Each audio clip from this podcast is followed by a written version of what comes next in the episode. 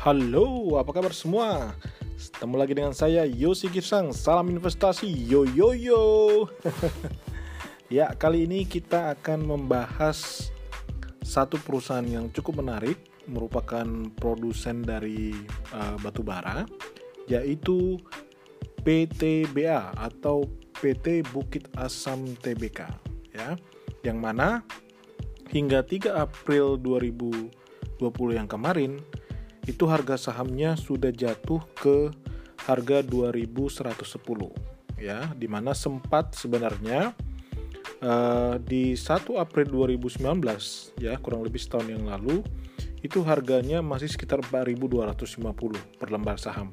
Sehingga bisa dikatakan saat ini sudah turun hampir minus 50% bahkan ya bahkan di 20 Maret kemarin di 2020 itu saham PTBA itu sempat menyentuh di level harga 1385 atau anjlok sekitar minus 67,4 persen jika dibandingkan dengan harga tertingginya dalam setahun terakhir yaitu yang 4250 tadi. Nah, sebelum merebaknya wabah pandemi COVID-19 yaitu di akhir 2020, saham PTBA juga sebenarnya sudah menunjukkan penurunan sampai ke level 2210. Jadi artinya uh, sebenarnya eh, saham perusahaan ini sudah turun. Uh, apakah ini berkaitan dengan kinerja atau memang karena harga batu bara? Nah itu yang mau kita bahas di dalam podcast ini, gitu ya. Nah kalau kita melihat harga batu bara di lewat kontrak ICE Newcastle, jadi itu adalah salah satu acuan dari harga batu bara yang digunakan di dalam transaksi antar negara. Dalam setahun terakhir itu memang terjadi tren penurunan sampai minus 21,7 persen. Ya, dari harga tertinggi itu sekitar 89,5 dolar Amerika Serikat per tonnya itu sekitar 15 April 2019 hingga menjadi 70 dolar Amerika Serikat per ton di tanggal 30 Maret 2020 yang lalu. Dan harga rata-rata di Januari sampai Desember 2019 selama setahun itu sekitar 77,8 dolar Amerika Serikat per ton. Itu turun dibandingkan dengan harga rata-rata batu bara di tahun 2018 tahun sebelumnya itu masih mencapai 107,3 dolar Amerika Serikat per tahun. Jadi selisih hampir 30 dolar Amerika Serikat per tonnya. Jadi turun cukup besar, hampir 30%. Nah, tentunya ini tantangan yang nggak mudah, tidak hanya bagi PTBA, tapi seluruh industri atau perusahaan yang bergerak di sektor produsen batu bara, ya. Nah, kalau kita bicara sedikit sekilas mengenal PTBA ini, itu dimulai dari tahun 1950. Jadi pada waktu itu pemerintah Indonesia itu mendirikan perusahaan negara eh, namanya tambang arang Bukit Asam atau PN Taba yang mana akhirnya pada tanggal 1 Maret di tahun 1981 eh, PN Taba tadi itu kemudian berubah statusnya menjadi perseroan terbatas dengan nama eh, PT Bukit Asam Persero atau BUMN yang selanjutnya sering disebut dengan PTBA. Nah, perusahaan ini itu mulai tercatat sebagai perusahaan terbuka eh, di mana mereka melakukan penawaran sahamnya untuk publik itu di Bursa Efek Jakarta sejak 23 Desember tahun 2002. Jadi sudah hampir 18 tahun yang lalu.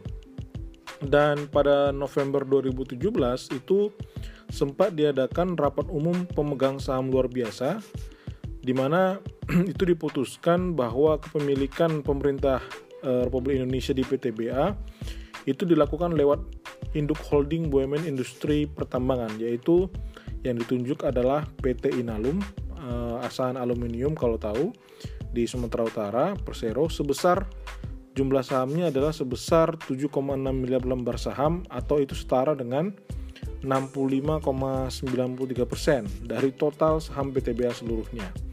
Jadi menjadi pemegang saham mayoritas e, pemerintah lewat Inalum di PTBA tersebut. Nah, sebagai informasi, eh, di dalam holding tadi ada empat perusahaan yang menjadi anggota yang dibawa Inalum, yaitu PTBA sendiri, kemudian ada Aneka Tambang. Jadi kalau Anda sempat mendengarkan podcast saya sebelumnya juga tentang Aneka Tambang, kemudian ada PT Timah yang mayoritas produksinya untuk timah dan PT Freeport Indonesia yang ada di Papua. Nah, jangan lupa bahwa eh, kalau Anda mau membaca atau mendengar tentang PT Aneka Tambang Antam yang eh, produsen utama dari eh, emas logam mulia Anda tahu itu juga Anda bisa baca di website saya yosigirsang.com atau Anda juga bisa baca di tagar.id atau Anda dengarkan podcast saya sebelumnya. Nah, di dalam RUPS LB kemarin itu di 2017 itu juga itu disetujui ada stock split atau memecahkan nominal saham dengan rasio 1 banding 5. Jadi maksudnya misalkan pada awalnya harga saham e, PTBO 20.000 per lembar saham. Nah, ketika dipecah nominal sahamnya itu menjadi 2.000 dibagi 5. Itu jadi sekitar menjadi 400 eh sorry kalau tadi awalnya 20.000 dibagi 5 menjadi sekitar 4.000 per lembar saham itu artinya stock split 1 dibagi dibanding 5 tapi otomatis jumlah sahamnya pun menjadi bertambah 5 kali jadi sebenarnya dari sisi uh, total market kapitalisasi atau harga saham dikali dengan uh, nilai harga saham dikalikan dengan jumlah saham itu sama saja cuman bagusnya stock split ini adalah semakin banyak investor dengan modal yang lebih kecil untuk bisa uh, join dan membeli saham perusahaan. Nah, saat ini Bukit Asam ini dipimpin oleh Arfian Arifin. Beliau adalah direktur utama dan komisaris utama itu adalah uh, Agus Suhartono. Nah, untuk Pak Arif, Arfian Arifin ini, beliau itu lulusan ITB, namun uh, lama berkarir di dunia perbankan dan keuangan dan dulu pernah menduduki salah satu posisi penting sebagai direktur utama di PT Bank Muamalat Tbk. Sedangkan Pak Agus Suhartono, beliau adalah mantan Panglima TNI yaitu di tahun 2010 sampai 2013. Nah, saat ini PTBA itu memiliki 9 anak usaha itu dengan kepemilikan langsung dan ada 10 anak usaha dengan kepemilikan gak langsung dan dari 9 anak usaha yang kepemilikan langsung tersebut ada empat yang masih belum beroperasi. Nah, kita sekarang masuk ke pembahasan bagaimana dengan penjualan dan produksi batubara dari PTBA. Jadi, berdasarkan pengumuman kinerja di 2019, produksi batubara di PTBA itu di 2019 itu naik sebenarnya sekitar 10,2 persen dibanding tahun sebelumnya 2018 menjadi 29,1 juta ton. Nah, seiring dengan itu juga kapasitas angkutan batu bara juga mengalami kenaikan sekitar 7% dibanding tahun sebelumnya menjadi 24,2 juta ton ya. Nah, dari kenaikan produksi dan angkutan batu bara inilah, maka PTBA mampu menaikkan penjualan sampai 13% dari tahun 2018 dan menjadi 27,8 juta ton. Dan e, sebagai informasi, PTBA ini melakukan ekspansi dari sisi penjualan di beberapa pasar potensial yaitu Vietnam, Jepang, Filipina, dan Hong Kong. Dan berhasil juga menambah pasar baru seperti Myanmar, Thailand, Australia, dan Kamboja. Dan nggak berhenti hanya di situ, PTBA juga masuk ke pasar premium dengan melakukan ekspor batu bara dengan kalori menengah dan tinggi. Nah, kalau kita bagi uh, per kategori, penjualan PTB itu terdiri dari 57% itu untuk penjualan batubara domestik, jadi justru besar domestik dan untuk kebutuhan dalam negeri. 49% itu untuk ekspor batubara. Jadi kita mengekspor ke atau PTB mengekspor ke luar negeri dan sisanya 2% itu untuk penjualan briket, minyak sawit mentah dan inti sawit, kemudian ada listrik dan jasa kesehatan rumah sakit. Jadi bisa dikatakan untuk uh, ya hubungannya ke batu bara 57% domestik dan 41% di ekspor. Nah, bagaimana dengan pendapatan batu bara? Eh, pendapatan PTBA.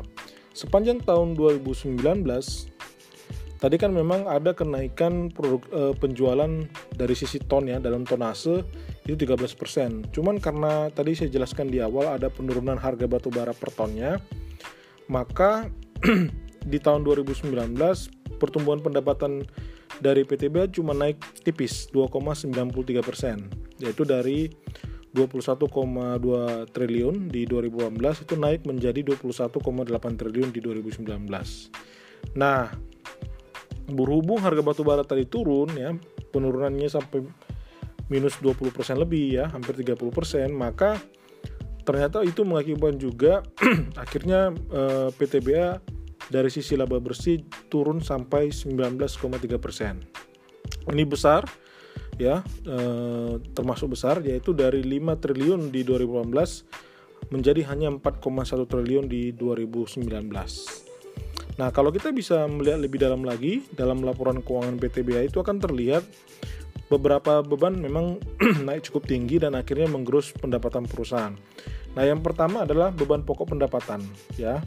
Rata-rata memang seperti itu ketika harga apa turun, maka otomatis beban biasanya beban pokok pendapatan ini harus dilakukan efisiensi ya. Tapi ternyata di sini karena memang produksinya juga naik dari sisi tonase itu naik 12,3 persen. Jadi dari 12,6 triliun di 2018 itu naik jadi 14,2 triliun di 2019. Ada juga beban umum dan administrasi itu naik lagi lebih tinggi e, dari sebelumnya yaitu 6,5 persen. Padahal tadi pendapatan cuma naik sekitar e, berapa tadi e, 2,93 persen. Ini naik 6,5 persen dibanding tahun 2018 yang mana itu menjadi 1,9 triliun di 2019. Dan yang terakhir juga ada naik ke biaya e, keuangan pembayaran utang Eh, baik bunga maupun pokok untuk utang itu naik 23,3 persen dibanding tahun sebelumnya menjadi 127,7 miliar di tahun 2019. Nah, sekarang bagaimana dengan net profit margin dan return on equity dari PTBA? Kalau Anda yang baru mengenal rasio ini, mungkin saya jelaskan sedikit. Jadi net profit margin itu digunakan untuk mengukur seberapa efisien manajemen mengelola eh, pengelola perusahaan dalam menghasilkan laba bersih.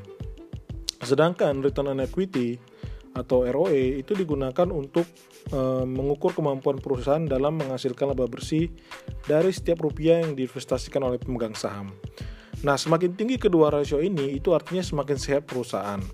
Biasanya acuan kami adalah kalau perusahaan dengan NPM di atas 10%, dan return on equity atau ROE di atas 15% itu tergolong efisien dan baik.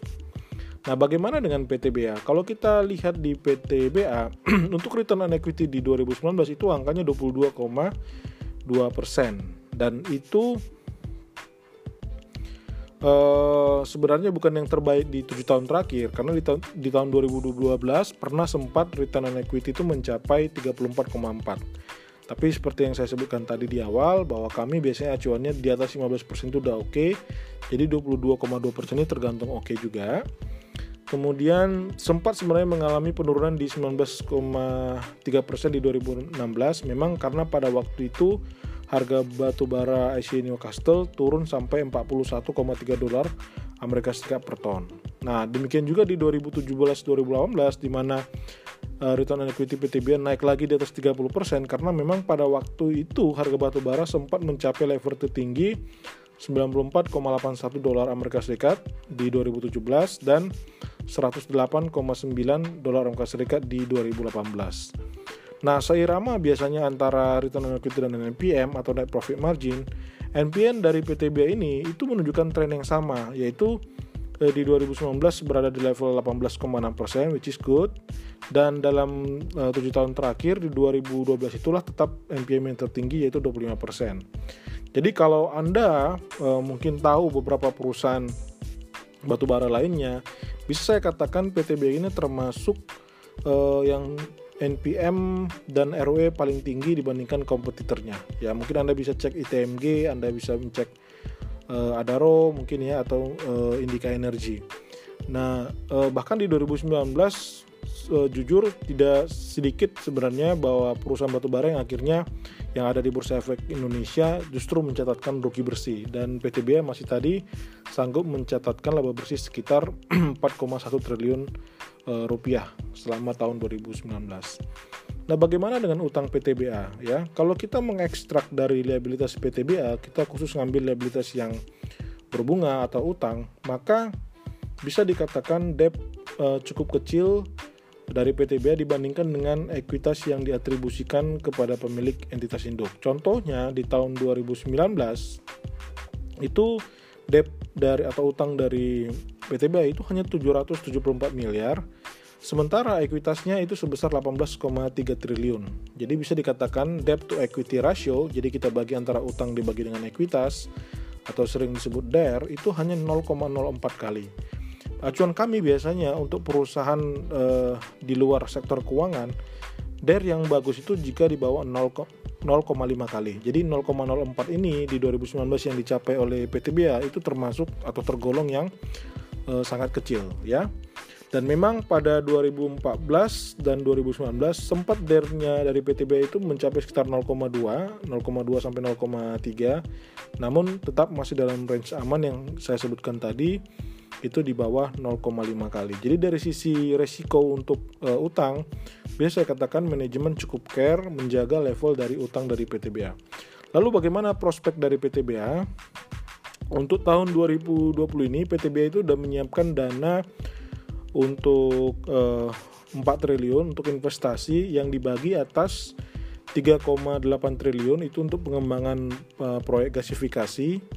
Kemudian ada juga PLTU Mulut Tambang Sumsel 8, kemudian ada roof, uh, rooftop solar angkasa Pura 2 dan juga proyek angkutan batubara yang bekerjasama dengan PT Kereta Api Indonesia di Tanjung Enim serta sisanya 200 miliar lagi untuk investasi rutin di dalam uh, perusahaan. Nah, untuk pengembangan gasifikasi atau bisnis hilirisasi batubara itu PTBA bekerjasama dengan Pertamina dan Air Products dari luar negeri untuk membangun fasilitas mengkonversi batubara menjadi uh, DME atau uh, dimethyl ether. Jadi mana DME ini adalah substitusi LPG untuk ke depannya sehingga nantinya bagus untuk Indonesia kita bisa mengurangi LPG untuk gas. Nah, rencananya proyek pengembangan ini akan selesai tahun 2024 yang mana kapasitasnya itu mampu memproduksi sekitar 1,4 juta ton DMI per tahun dari konsumsi batu bara yang sebesar 6,5 juta ton per tahun. Tadi kan saya ceritakan bahwa eh, produksi dari PTBA untuk uh, per tahun 2019 itu 29,1 juta ton. Jadi bisa dikatakan ini hampir uh, satu per lima kalinya lah ya, seperlimanya ya. nah, jadi ini bagus untuk masa depan. Jadi fasilitas gasifikasi ini mengubah dari batu bara menjadi LPG ini bagus untuk ke depannya bisa menjadi andalan dari PTBA kalau nanti sekiranya di depan di masa depan harga batu bara turun bisa dikonversi atau ditambahkan nilainya menjadi LPG. Nah, di 2020 ini itu ditargetkan penjualan batu bara untuk PTB itu 29,9 juta ton atau naik 7,6 persen. Namun tentunya dengan kondisi wabah pandemi COVID-19 ini uh, pandemi COVID-19 ini yang terjadi mulai dari Januari kemarin itu menyebabkan beberapa negara lockdown. Uh, untuk sebagai informasi tadi kan ada 41% penjualan ekspor ya di PTBA. Nah, Cina sendiri sudah sempat lockdown dan Cina itu adalah uh, tujuan ekspor terbesar di PTBA dan kemudian nomor 2 itu India. Sementara sejak 25 Maret yang lalu uh, kurang lebih hampir jalan dua minggu sekarang India itu sudah lockdown. Jadi mereka rencananya akan sampai April. Jadi tentu ini akan menggerus pendapatan PTBA khususnya di kuartal 1 dan kita agak masih sulit memprediksi nanti bagaimana kondisinya sampai di 2020 karena saat ini situasinya virus corona itu masih belum bisa dikendalikan dan sudah menyerang hampir ke 191 negara. Jadi Uh, untuk lebih mudah memproyeksi itu bagusnya nanti kita menunggu hasil atau kinerja dari laporan kuartal pertama di 2020 yang mungkin baru rilis sekitar Mei nanti. Nah, sekarang pertanyaannya setelah saham PTBA turun hampir 50% dalam setahun terakhir, apakah ini sudah murah gitu ya? Jadi kalau kita rangkum lagi tadi kita bicara tentang uh, beberapa rasio atau kinerja yang yang kita analisa menurut kami dibandingkan perusahaan batu bara lain PTBA termasuk yang kinerjanya bagus dan termasuk kinerjanya efisien. Memang tantangannya PTB itu adalah dari sisi uh, harga dari batu bara. Dan ini di, dialami oleh semuanya uh, dari para uh, produsen yang mengandalkan batu bara sebagai penjualan. Nah kalau kita melihat price earning ratio atau uh, PER dari PT Bukit Asam TBK ini PTBA dalam tujuh tahun terakhir untuk uh, PER terendahnya itu rata-ratanya di sekitar tujuh kali dan saat ini ketika harga saham PTBA itu sekitar 2110 itu pernya berada di uh, per sekitar 5,5 kali. Jadi uh, sudah rendah memang dibandingkan tujuh tahun terakhir. Tapi mengingat mengingat bahwa wabah virus corona ini tentu akan menggerus pendapatan laba bersih PTBA di 2020 akan lebih baik dan lebih bijak kalau kita menunggu sampai uh, harga saham PTBA itu menyentuh di per sekitar empat kali karena memang di 2016 yang lalu sempat pernya uh, pernya PTB ini uh, ke level empat kali di mana pada waktu itu kan memang harga batu bara uh, sangat jatuh jatuh anjlok sekali ke 41,3 dolar Amerika Serikat per ton. Nah, saran kami untuk per 4 kali itu dengan EPS tahun 2019 sekitar 371 maka itu setara dengan harga sekitar 1.500 rupiah per lembar saham. Jadi eh, kalau mau masuk eh, bertahap karena kita masih belum paham situasi market saat ini, masuklah kalau di atau belilah ketika di bawah 1.500 dan sebenarnya itu sudah pernah tercapai ketika tanggal 19 dan 20 Maret yang lalu. Nah, pertanyaan apakah sudah telat? Untuk harga sekarang 2110 menurut kami situasi pasar belum stabil jadi uh, sebaiknya Anda tunggu dulu sampai di bawah 1500 dan nanti kalau mau beli itu beli bertahap. Dan uh, mengingat saham sektor batubara ini termasuk yang sangat volatile, jadi saya sih tidak menyarankan Anda memiliki dalam porsi yang besar dalam portofolio Anda. Uh, lebih baik sekitar maksimum 10%. Uh, menurut saya itu lebih untuk jangka panjang itu lebih baik apalagi dengan kasus pandemi virus corona ini sektor barang konsumsi itu masih jauh lebih menarik ya. Perbankan juga masih jauh lebih menarik. Kenapa karena nanti yang recover paling cepat itu biasanya barang konsumsi. Barang konsumsi sekarang masih berjalan. Perbankan itu juga memang akan ada pasti masalah NPL tapi biasanya eh, pemerintah akan lebih fokus untuk eh, dalam kondisi krisis keuangan atau krisis ekonomi pasti fokus pemerintah di negara mana pun akan membenahi menginjek perbankan dulu makanya biasanya saham perbankan itu lebih cepat recover beserta dengan saham di sektor barang konsumsi. Jadi menurut saya dua sektor ini lebih baik daripada Anda pilih untuk sektor e, batubara atau pertambangan. Tapi kalau misalkan Anda bukan tipe investor yang terlalu agresif, jadi sebaiknya itu menghindari beli saham komoditi ya saham-saham yang sangat e, apa namanya terpengaruh oleh faktor eksternal. Jadi kinerja perusahaan itu bisa turun naik karena harga e, turun naiknya harga dari komoditas yang dia e, produksi gitu. Jadi e, saran saya kalau memang Anda tidak terlalu agresif daripada stres lebih baik jangan membeli saham di sektor ini. Nah, Terakhir, saya sebagai penutup, eh, saya ingatkan bahwa pada akhirnya keputusan jual beli ada di tangan Anda sebagai pendengar dari podcast ini. Tujuan kami memberikan analisis untuk edukasi, memberikan contoh bagaimana sih melakukan riset yang mendalam terhadap satu perusahaan sebelum kita memutuskan untuk memiliki uh, saham perusahaan itu dan kita menjadi pemilik dari perusahaan tersebut, perusahaan-perusahaan yang terdaftar di Bursa Efek Indonesia.